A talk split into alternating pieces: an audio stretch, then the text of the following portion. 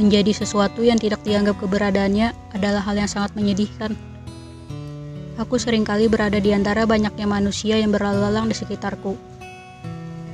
Mereka melihatku, mereka menatapku, mereka melewatiku, mereka tahu aku ada.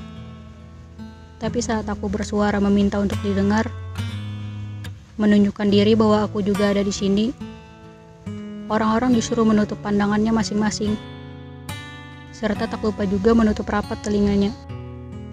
Seolah apa yang ingin aku katakan adalah sesuatu yang tidak ada artinya sama sekali. Suaraku hanyalah sekedar omong kosong bagi mereka. Dan seharusnya aku hanya perlu diam saja seperti biasanya. Tak perlu ada suara yang berarti. Pernah suatu kali aku sempat seperti dihargai, merasa seperti dianggap, seakan diakui. Namun nyatanya aku salah. Aku didengarkan hanya untuk ditertawakan. Aku dilihat hanya untuk dipermalukan. Mereka lantas senang. Mereka pun tertawa. Sedang aku di sini tertunduk menahan diri.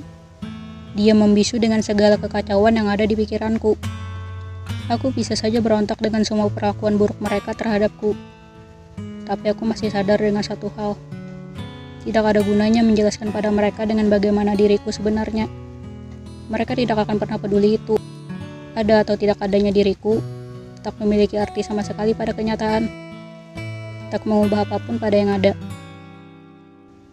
Jadi, untuk apa aku resah pada orang-orang yang sejatinya tidak pernah peduli dengan perasaanku? Nanti juga semuanya melupa